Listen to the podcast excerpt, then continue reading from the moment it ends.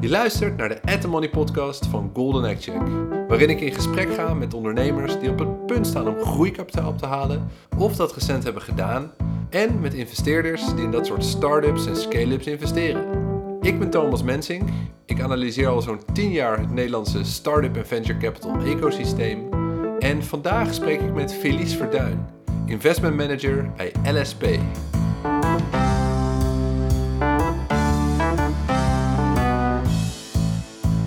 LSP is een van de oudste en grootste venture capital fondsen van Nederland. Ze investeren in life sciences bedrijven, van een wetenschapper met een patent tot aan beursgenoteerde bedrijven.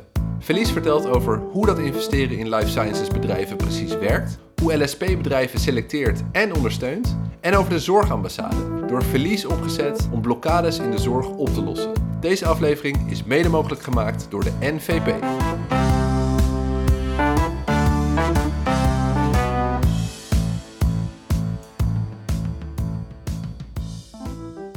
Ik ben Verlies Verduin. Ik werk als investeringsmanager bij LSP, nu al zes jaar. Uh, ik heb een achtergrond hiervoor in de wetenschap, uh, dus een neuroscientist. En ben daarna een aantal jaar bij McKinsey gaan werken. En eigenlijk bij LSP komt dat heel mooi samen, want ik kijk dus naar innovaties op alle gebieden van de wetenschap eigenlijk. Mm -hmm. dat is dan vaak bijvoorbeeld medicijnontwikkeling, maar het kan ook medische apparatuur zijn of diagnostiek. En naar de meest innovatieve bedrijven kijken we dan om in te investeren.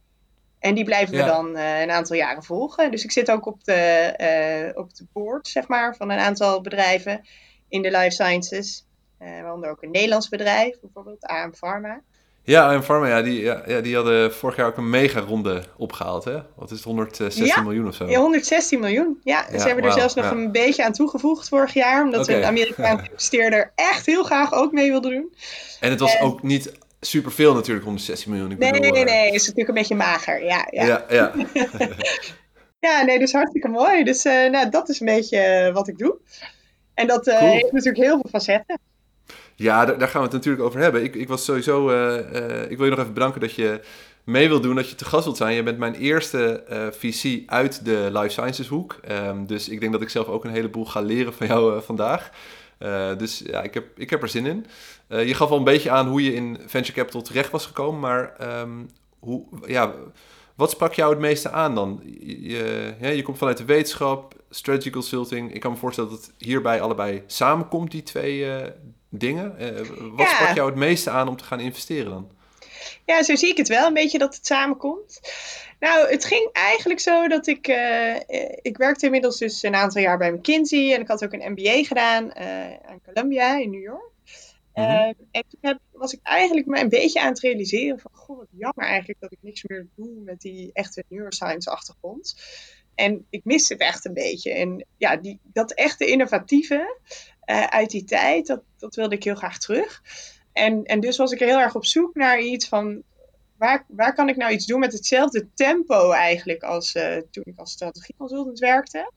In de Mhm. wetenschap zie je soms dat dingen ja, toch wel wat langer blijven hangen. Ehm, dus ik wilde wel wat, dat hoge tempo behouden eh, en toch ehm, ja, terug naar die innovatie eigenlijk. Ehm, Ja. En dat heb ik hier heel mooi gevonden. En eh, ja, ik merk ook wel dat ik de, de skills van, van beide achtergronden eigenlijk heel mooi kan combineren hier. Hoe, hoe, hoe doe je dat dan? Want je zei je zit in de board. Hoe, eh, hoe help je dat soort bedrijven dan? Ja, dat klopt. Dus in- nu sinds een aantal jaren ben- treed ik ook toe tot het boord van dat soort bedrijven. Nou, en hoe ik ze dan help, ja, eh, heel, veel, heel veel doet het team natuurlijk zelf. Hè. Een belangrijk deel van onze investeringscase is natuurlijk wel dat het al een heel goed team is. Ja, Ehm, ja. Maar omdat wij natuurlijk zoveel zien, en we zien heel veel bedrijven eh, succesvol en onsuccesvol zijn op bepaalde vlakken, kunnen we natuurlijk wel heel goed meedenken. En we kunnen heel goed meekijken welke strategische richting het bedrijf het beste kan ingaan, maar ook bijvoorbeeld met het versterken van het team. We hebben natuurlijk een heel breed netwerk. We kunnen ook kijken eh, of een bedrijf bijvoorbeeld iets aan hun portfolio kan toevoegen. Daar kunnen we bij helpen, omdat we natuurlijk zoveel bedrijven en zoveel innovaties zien, dat we ook heel goed die combinaties ja, kunnen bedenken. ja, ja, Eh, precies. dus we, we houden denk ik heel erg de big picture. En dat helpt denk ik bedrijven heel erg. eh, dat ze die ervaring dan hebben om, om over hun schouder mee te kijken. Ja, en daarnaast brengen we natuurlijk financiering, een kleine bijzaak. Maar, kleine, kleine, kleine investeringjes, dus ja. ja. En hoe, hoe werkt dat dan precies? Want ik, de meeste investeerders die ik tot nu toe heb gesproken, die investeren in software. Nou, dat heeft natuurlijk een hele andere dynamiek. Dat, dat schaalt veel sneller en uh, de time to market is veel korter. En, en uh, nou goed, dat, dat werkt gewoon op een andere manier. Ook, ook met investeren en het moment van instappen. Life sciences lijkt me toch vaak een, een, een ja, wetenschappelijk traject eigenlijk met klinische studies en zo. En na een tijdje kan het dan op de markt komen. Die klinische studies kosten al heel veel geld. Dus, dus eigenlijk investeer je daar juist voordat het op de markt komt, in plaats van dat je al op de markt zit en al heel veel tractie en momentum hebt zoals softwarebedrijven. Kun je uitleggen hoe gaan jullie te werk, zeg maar? Hoe werkt dat investeren in uh, life sciences bedrijven precies? Ja, je zegt het eigenlijk al. Het is eigenlijk een hele vreemde eend in de bijt. Want alle andere investeerders die kijken naar uh, revenue multiples en uh, ja, hoeveel, hoeveel year-on-year growth, dat soort dingen. Daar hebben we eigenlijk nauwelijks mee te maken. Natuurlijk wel in onze wat meer medische apparatuur en diagnostiek en digital health. Daar zien we het ook wel. Dus we, we snappen wel een beetje hoe het werkt. Maar medicijnontwikkeling is natuurlijk eigenlijk heel apart. Want heel vaak verkoop je een verhaal. Of verkoopt een bedrijf op dat moment een verhaal aan ons. Uh, dus we noemen het ook wel eens dat de vroegste investeringen bij ons zijn vaak een professor met een patent. Zo noemen ja, wij het dan. Precies, en ja. dat, dat, is eigenlijk heel vaak is er heel gedegen onderzoek gedaan in de academie.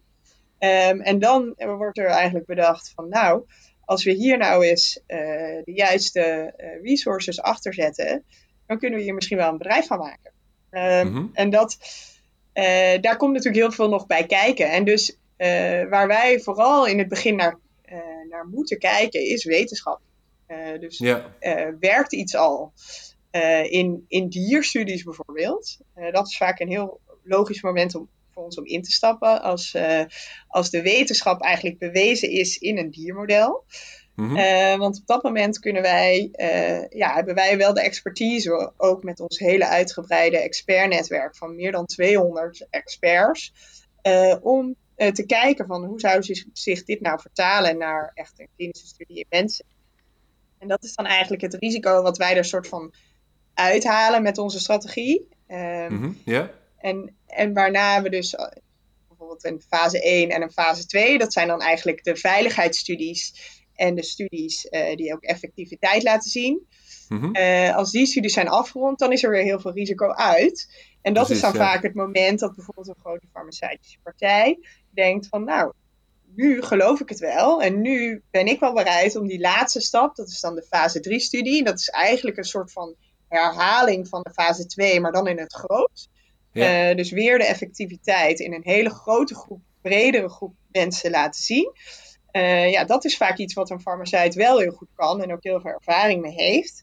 En waar het risico ook al wel echt een stuk minder groot is. Dus eigenlijk proberen wij dat stukje proberen we een beetje over te nemen van het systeem.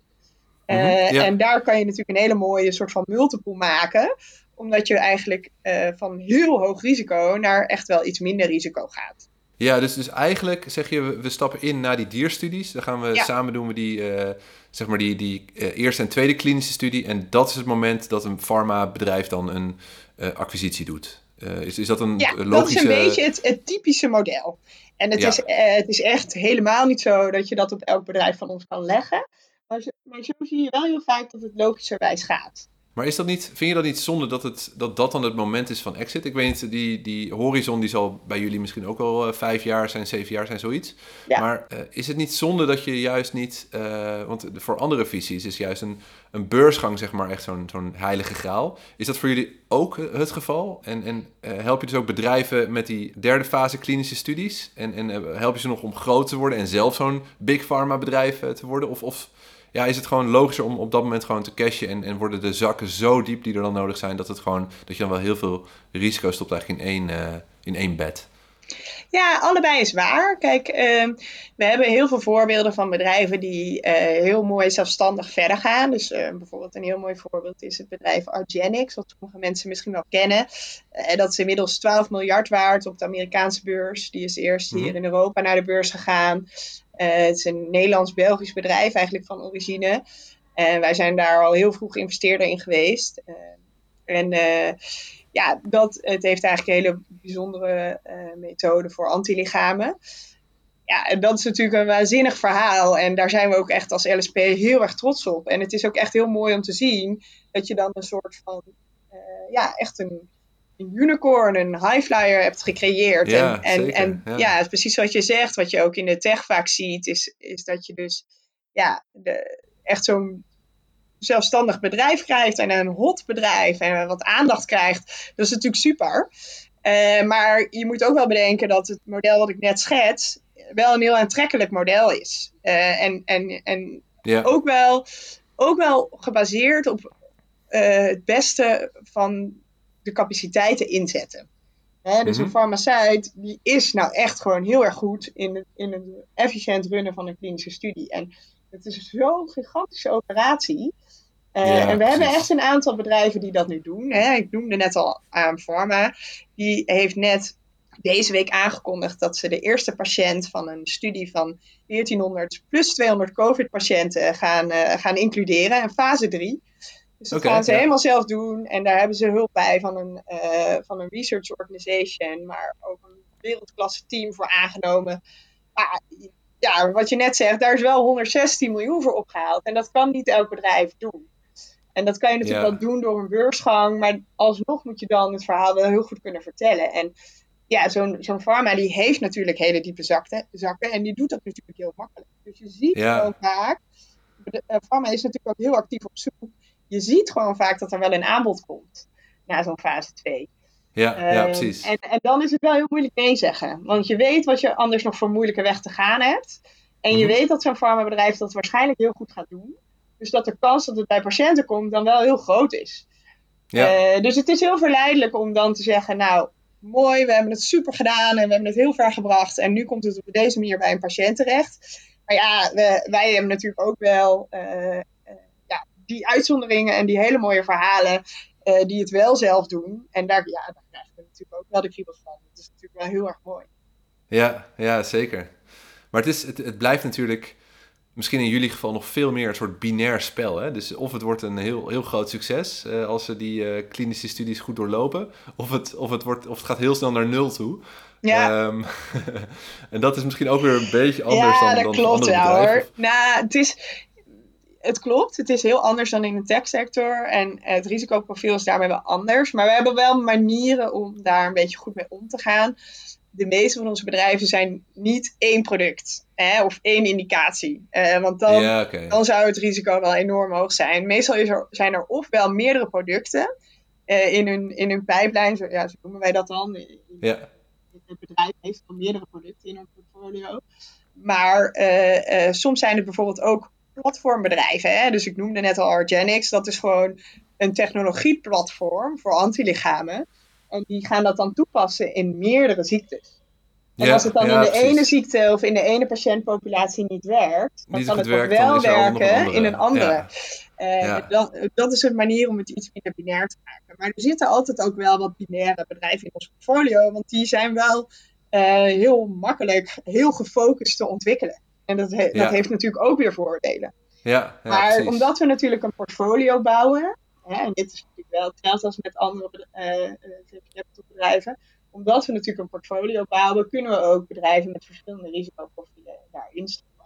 Dat maakt het ook Oh, aantrekkelijk. Hoe, hoe, hoe groot is jullie portfolio dan? Want ehm, eh, we gaan het straks nog wat uitgebreider hebben, denk ik ook over hoe jullie precies georganiseerd zijn en zo. Maar Ja. even, even tussendoor, ik ben, ik ben heel benieuwd, hebben jullie het ook over 10 of 20 bedrijven of is jullie portfolio ook echt een stuk groter? Eh, hoe, eh, misschien moeten we even beginnen met waar, vanuit welk fonds investeren jullie inmiddels? En, eh, Ja, En- dat is wel een goede vraag, want het is eigenlijk nog best een verhaal. Want we hebben eigenlijk verschillende fondsen.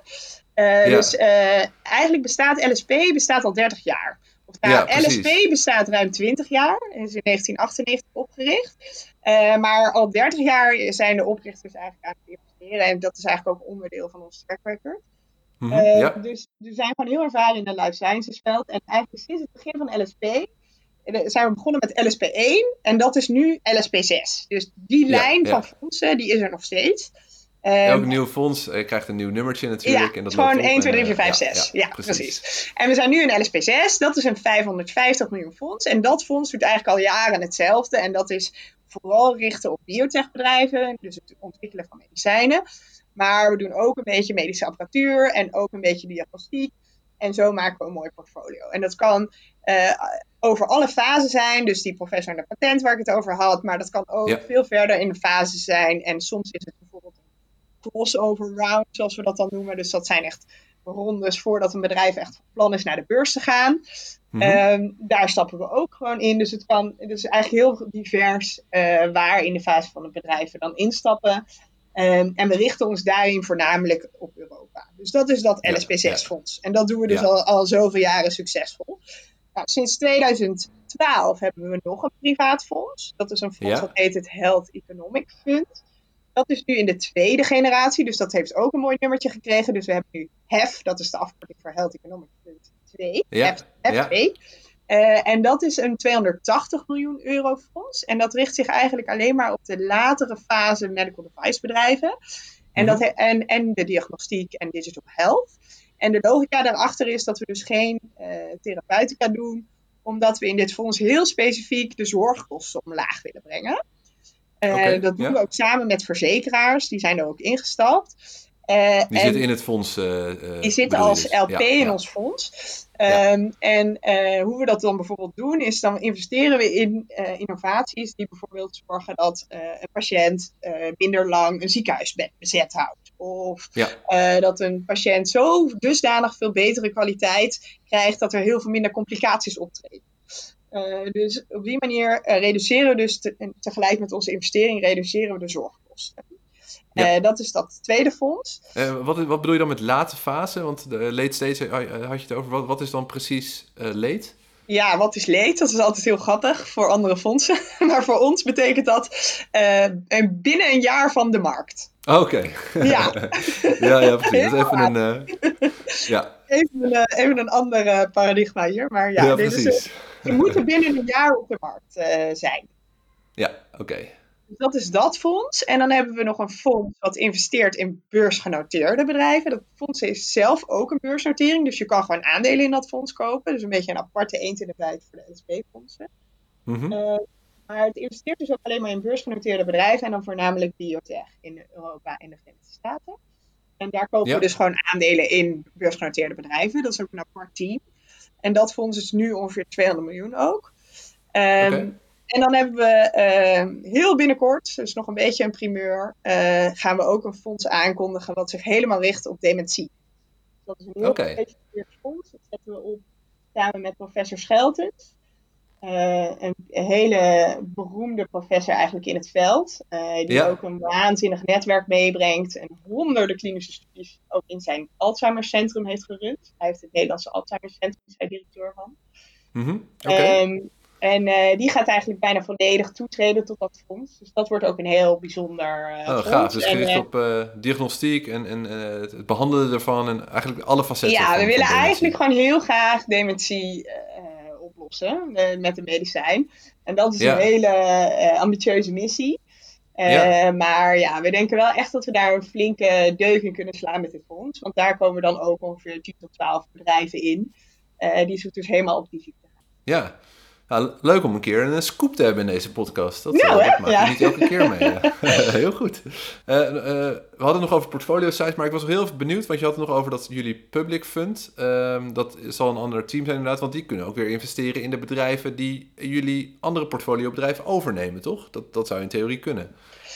Uh, ja, nee, dat kan. Uh, dus uh, dat, dat public fund, dat, ja, dat investeert dus eigenlijk altijd in wat kleinere biotechbedrijven voor beursgenoteerde perspectieven, dus small to mid cap. Uh, dus het zijn oké, vaak niet de grote farmaceuten waar zij in investeren. Dat is ook iets moeilijker te volgen. Dus is weer, ja, vaak zoeken zij naar de bedrijven die wat ondergewaardeerd zijn op de beurs. Uh, en vanwege de diepe kennis die wij eigenlijk hebben als life sciences investeerder al jarenlang, en we hebben die bedrijven natuurlijk ook al gezien toen ze privaat waren, hebben vaak heel veel inzicht in hun pipeline en, en kunnen we ook heel goed inschatten of ze succesvol gaan zijn in bepaalde milestones, eh, die je op de beurs natuurlijk heel makkelijk kan volgen. En dan kan je dus heel goed instappen, bijvoorbeeld zes maanden voor die milestone komt. Ja, eigenlijk bijna zeker weten dat die milestone gaat vallen. uh, weet je wel. En dan kan je natuurlijk hele mooie return halen. Zo, dat is een beetje het idee van dat fonds.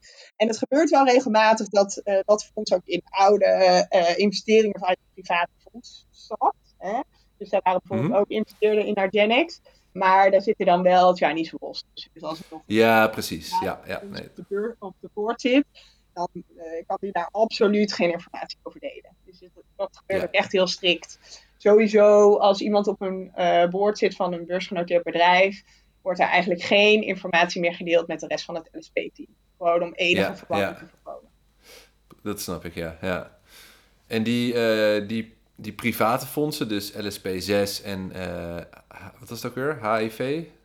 HEF, HEF, Ah, HIF? HIF eh, 2 was HIV niet. HIV.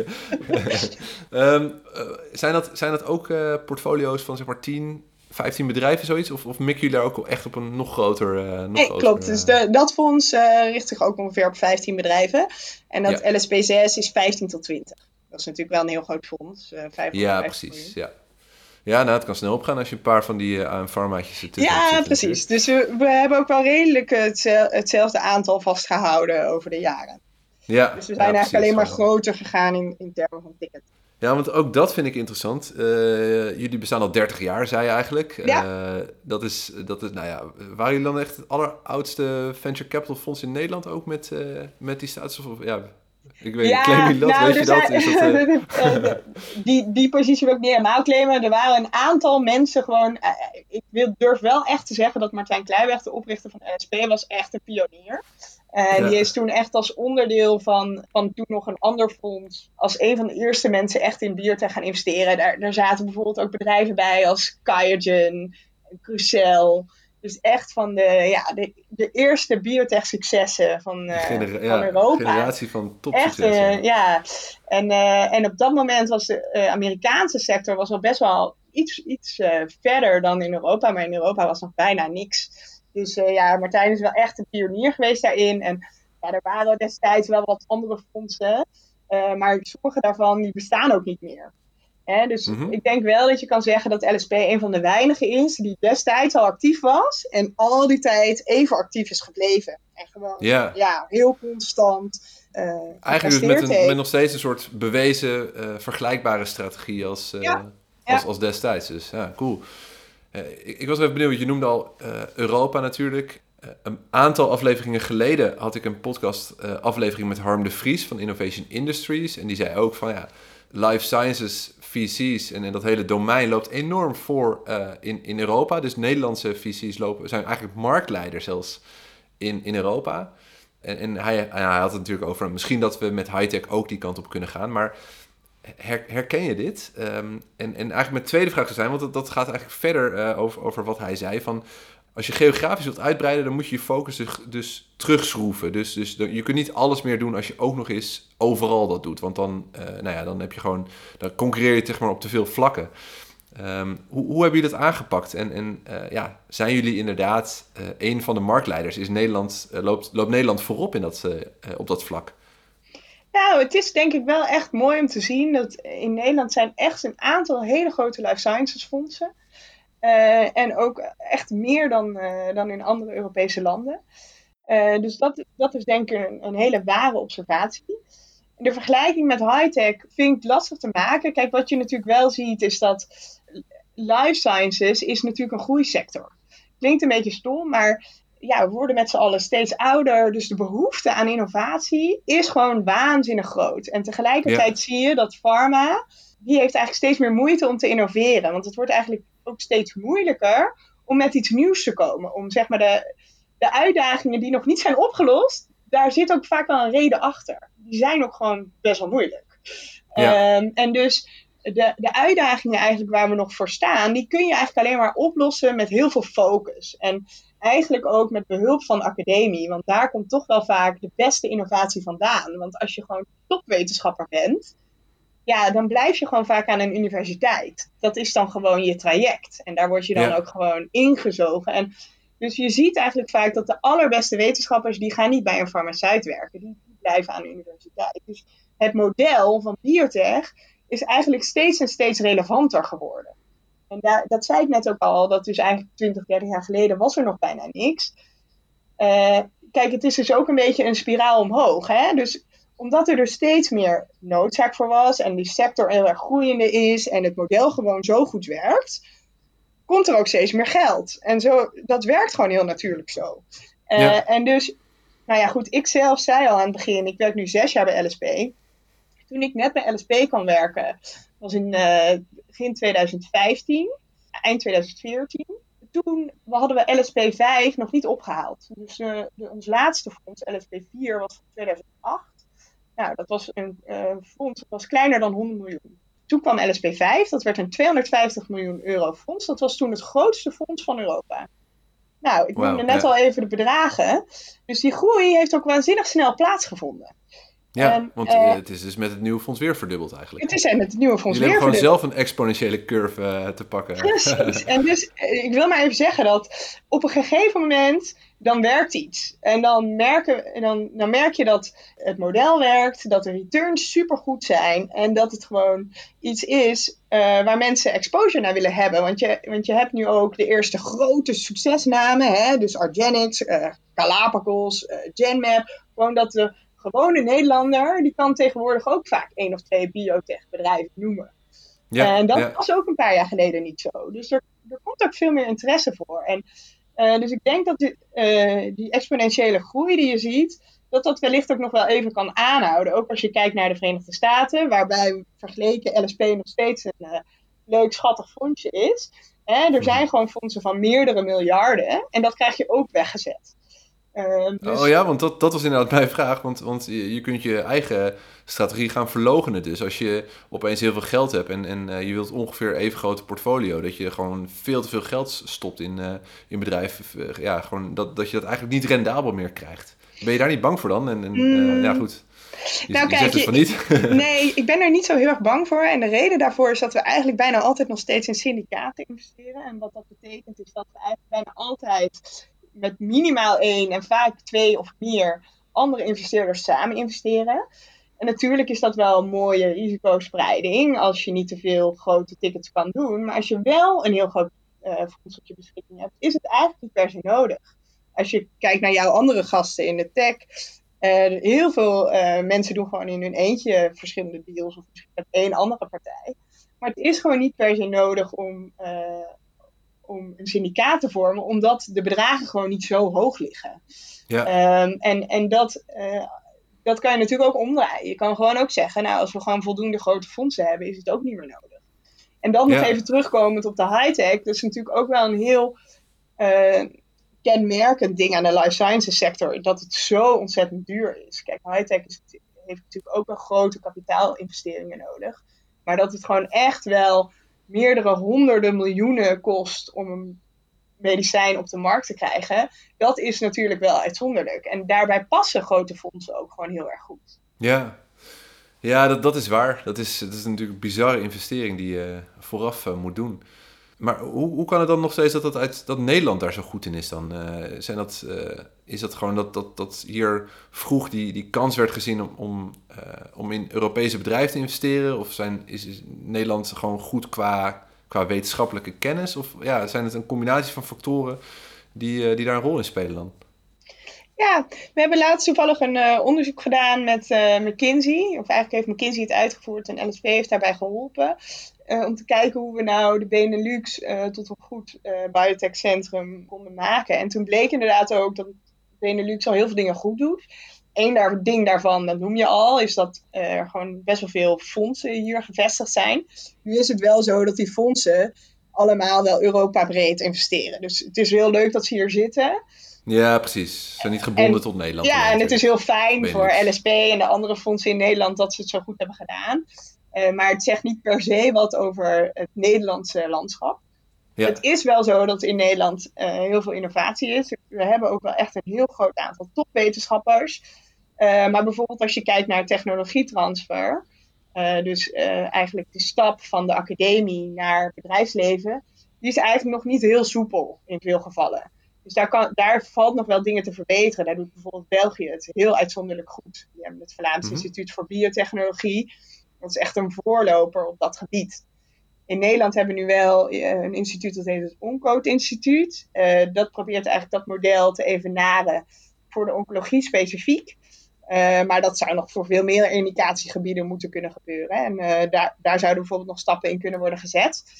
Maar het is bijvoorbeeld wel, dat is ook uit dat onderzoek gebleken, wel zo dat het vestigingsklimaat hier vrij goed is. Het is natuurlijk een heel groot voordeel dat IME, dus de European Medicines Agency, ja. sinds kort ook in Amsterdam is gevestigd.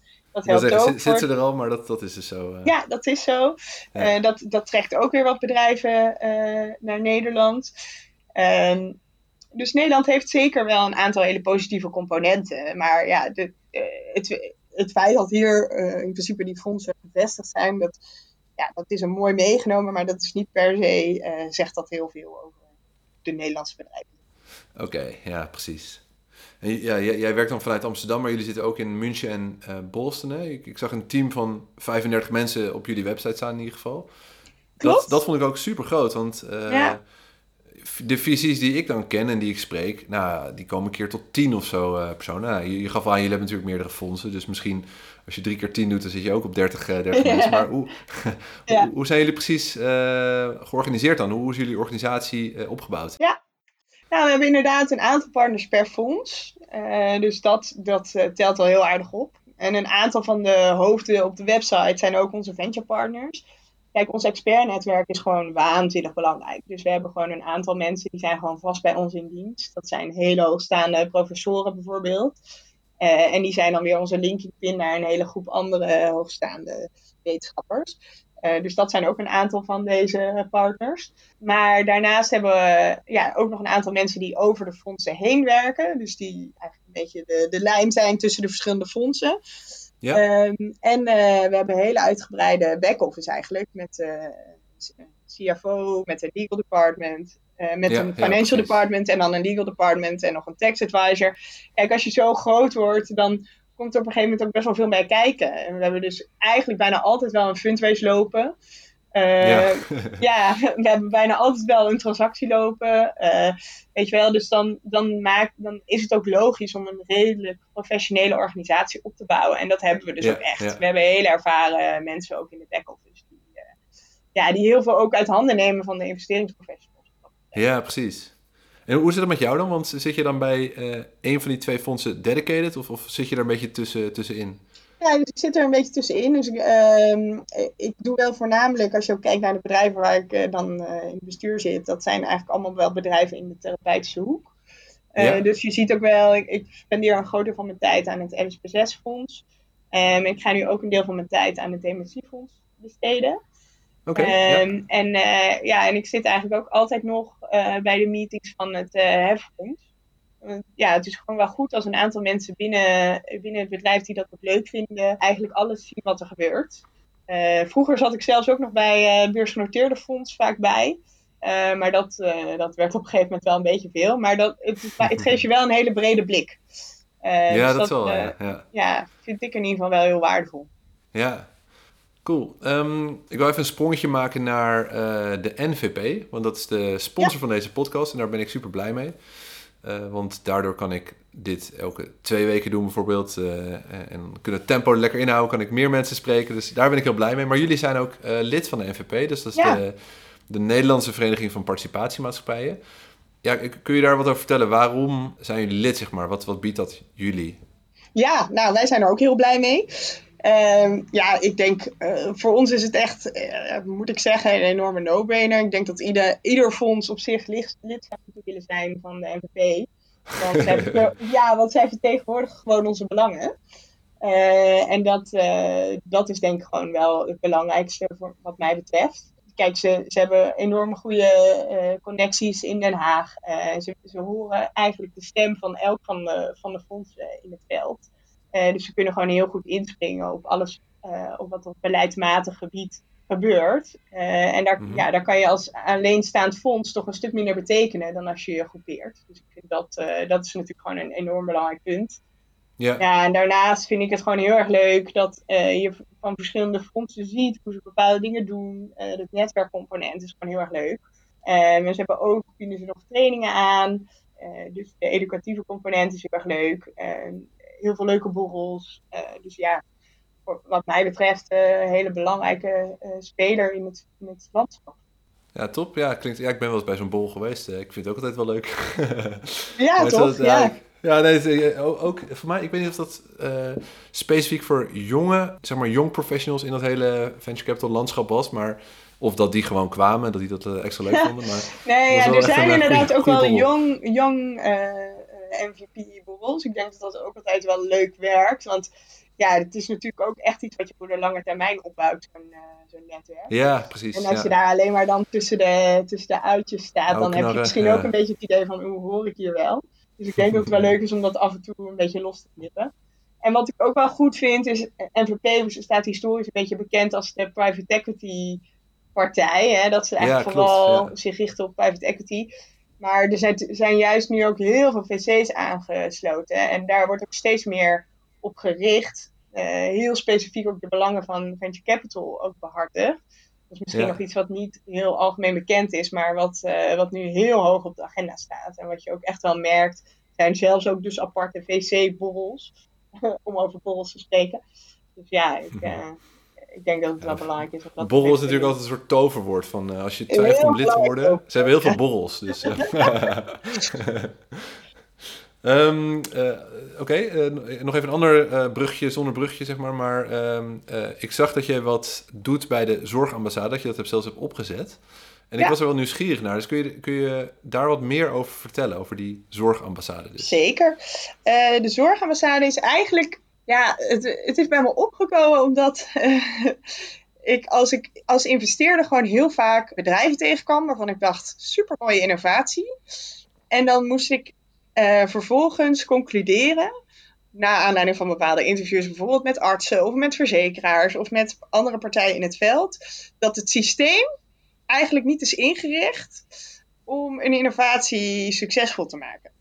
En er zitten okay. gewoon best wel veel perverse prikkels nog in het systeem. En veel hebben te maken met uh, gedrag van, uh, van specialisten of met financiering of met uh, transparantie. Hè, dat mensen gewoon bepaalde dingen niet weten. En ja, met, ja. Met, met, met regelgeving, privacyregelgeving bijvoorbeeld. Dus er zitten gewoon dingen in het systeem die relatief makkelijk op te lossen zouden zijn. Als er maar voldoende uh, over nagedacht zou worden en over gepraat zou worden. Dus eigenlijk mm -hmm. is het idee van de zorgambassade is... Um, waarom zetten we niet 16 jong professionals, eigenlijk mid-career. Dus mensen met echt duidelijke ervaring in het veld, maar ook heel veel enthousiasme om nog heel veel dingen aan te pakken. Dus niet de bestuurslagen die vaak met elkaar praten, maar echt gewoon mensen die, die van, onderdeel van zijn van het probleem vaak. Ja, ja. uh, waarom zetten we die nou niet bij elkaar? Dan hebben we alle perspectieven al in één kamer. Dus dan heb je niet zo dat je heel erg nog fact-finding moet doen. Dan kan je heel makkelijk dingen afschieten. Um, en richten we ons dan niet op implementatie en opschaling. Hè, in plaats ja. van dat je je richt op het probleem op zichzelf oplossen, willen we ons eigenlijk meer richten op, uh, nou, het probleem is er. Eigenlijk weten we ook wel heel veel van de oplossingen. Maar hoe kunnen we nou zorgen dat die er komen?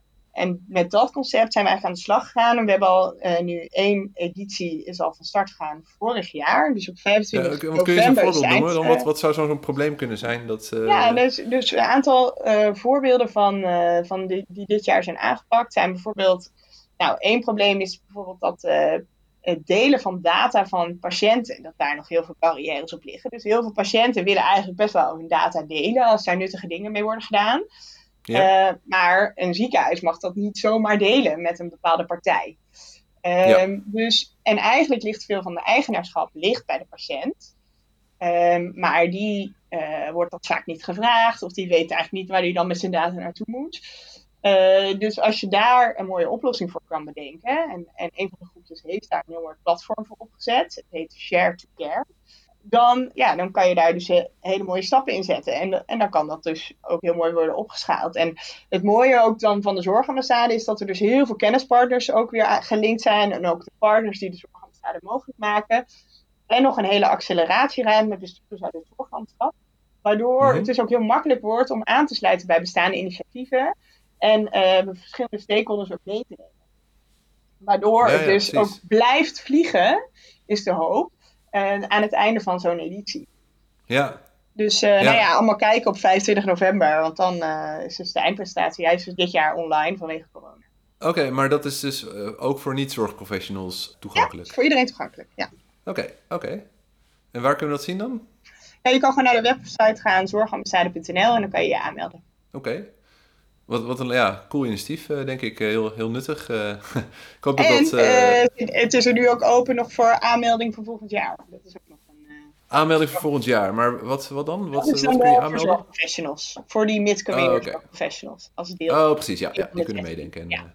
Oké, top. Ehm, misschien tot slot, want ehm, ja, we gaan er weer hard door de tijd heen eh, natuurlijk. Ehm, ik was benieuwd wat jouw advies zou zijn voor wetenschappers dus, met een goed idee. Of Ja. founders eh, die in die life sciences hoek zitten. En die van plan zijn om daar een bedrijf mee, eh, mee op te zetten. Ehm, die willen fundraisen misschien. Hoe, ja, wat, wat kun je ze meegeven? Ja, nou, eh, verschillende dingen. Ik denk, ehm één ding vind ik altijd heel belangrijk om mee te geven, is bereid je goed voor als je in gesprek wil gaan met een investeerder.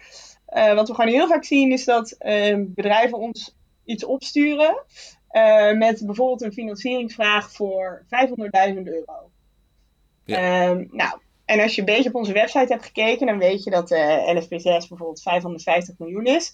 Als Ja. wij dan eh, een investering zouden willen doen van 500.000 euro, dan, dan zouden we, ja, denk ik, eh, ongeveer elke dag bezig zijn met eh, onze portfoliobedrijven begeleiden. Want dan krijgen we er eh, een onnoemelijk aantal. Ehm, maar, eh, dus, dus dat, dat, dat wordt dan op basis daarvan vaak al afgekeurd. Dus als je je een beetje inleest, dan zou je ook een mailtje kunnen sturen met: hey, eh, wij denken aan een financieringsvoorstel van bijvoorbeeld 30 miljoen. Eh, en als je daar dan dus nog een beetje vroeg mee bent, hè, dus je idee is misschien nog niet helemaal ver genoeg ontwikkeld om echt eh, die 30 miljoen helemaal te kunnen rechtvaardigen, dan kun je, kun je ook zeggen: Hi, we willen toewerken naar een ronde van 30 miljoen. Eh, Mhm. Maar we denken dat het belangrijk is om vroeg in gesprek te gaan met een investeerder. Eh, dus zou je naar ons voorstel kunnen kijken en ons eventueel wat feedback kunnen geven over hoe we daar kunnen komen. En dat waarderen we dan weer wel heel erg. En het is ook in de Ja, praktijk heel precies. erg vaak voorgekomen dat we bedrijven meerdere malen hebben gezien, soms wel vijf of zes keer, voordat we uiteindelijk instappen.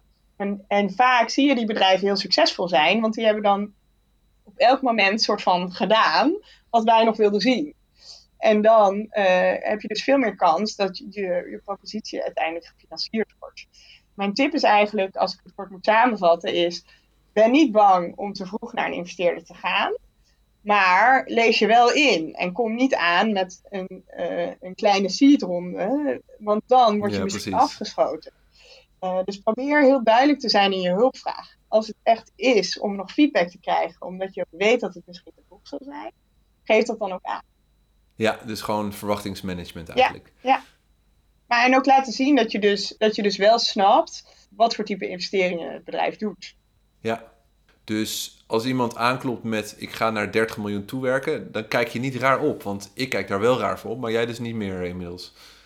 Nee, ik ben inmiddels redelijk immuun geworden voor grote bedragen. Sterker nog, ik denk, oh ja, nou goed, 30 miljoen, ja, redelijk gemiddeld. Eh, aan de kleine kant. nee hoor. nee, ik kijk dan zeker niet raar op. Eh, en, en het is ook realistisch. Eh, want medicijnontwikkeling is gewoon duur. Ja, dat is waar. Ehm, we, we zitten er doorheen, denk ik.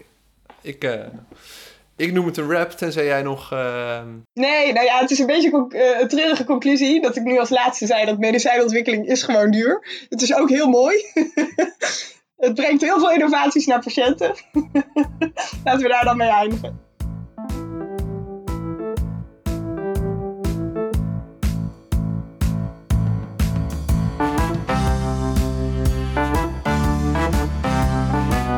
Je hebt geluisterd naar de At Money podcast van Golden Check. Vind je dit nou een leuke podcast? Laat dan even een review achter in je favoriete podcast app. En ben je zelf op zoek naar funding? Doe dan mee met onze Startup Roulette, een speeddate event om in contact te komen met de meest relevante investeerders. Meld je aan op startuproulette.vc.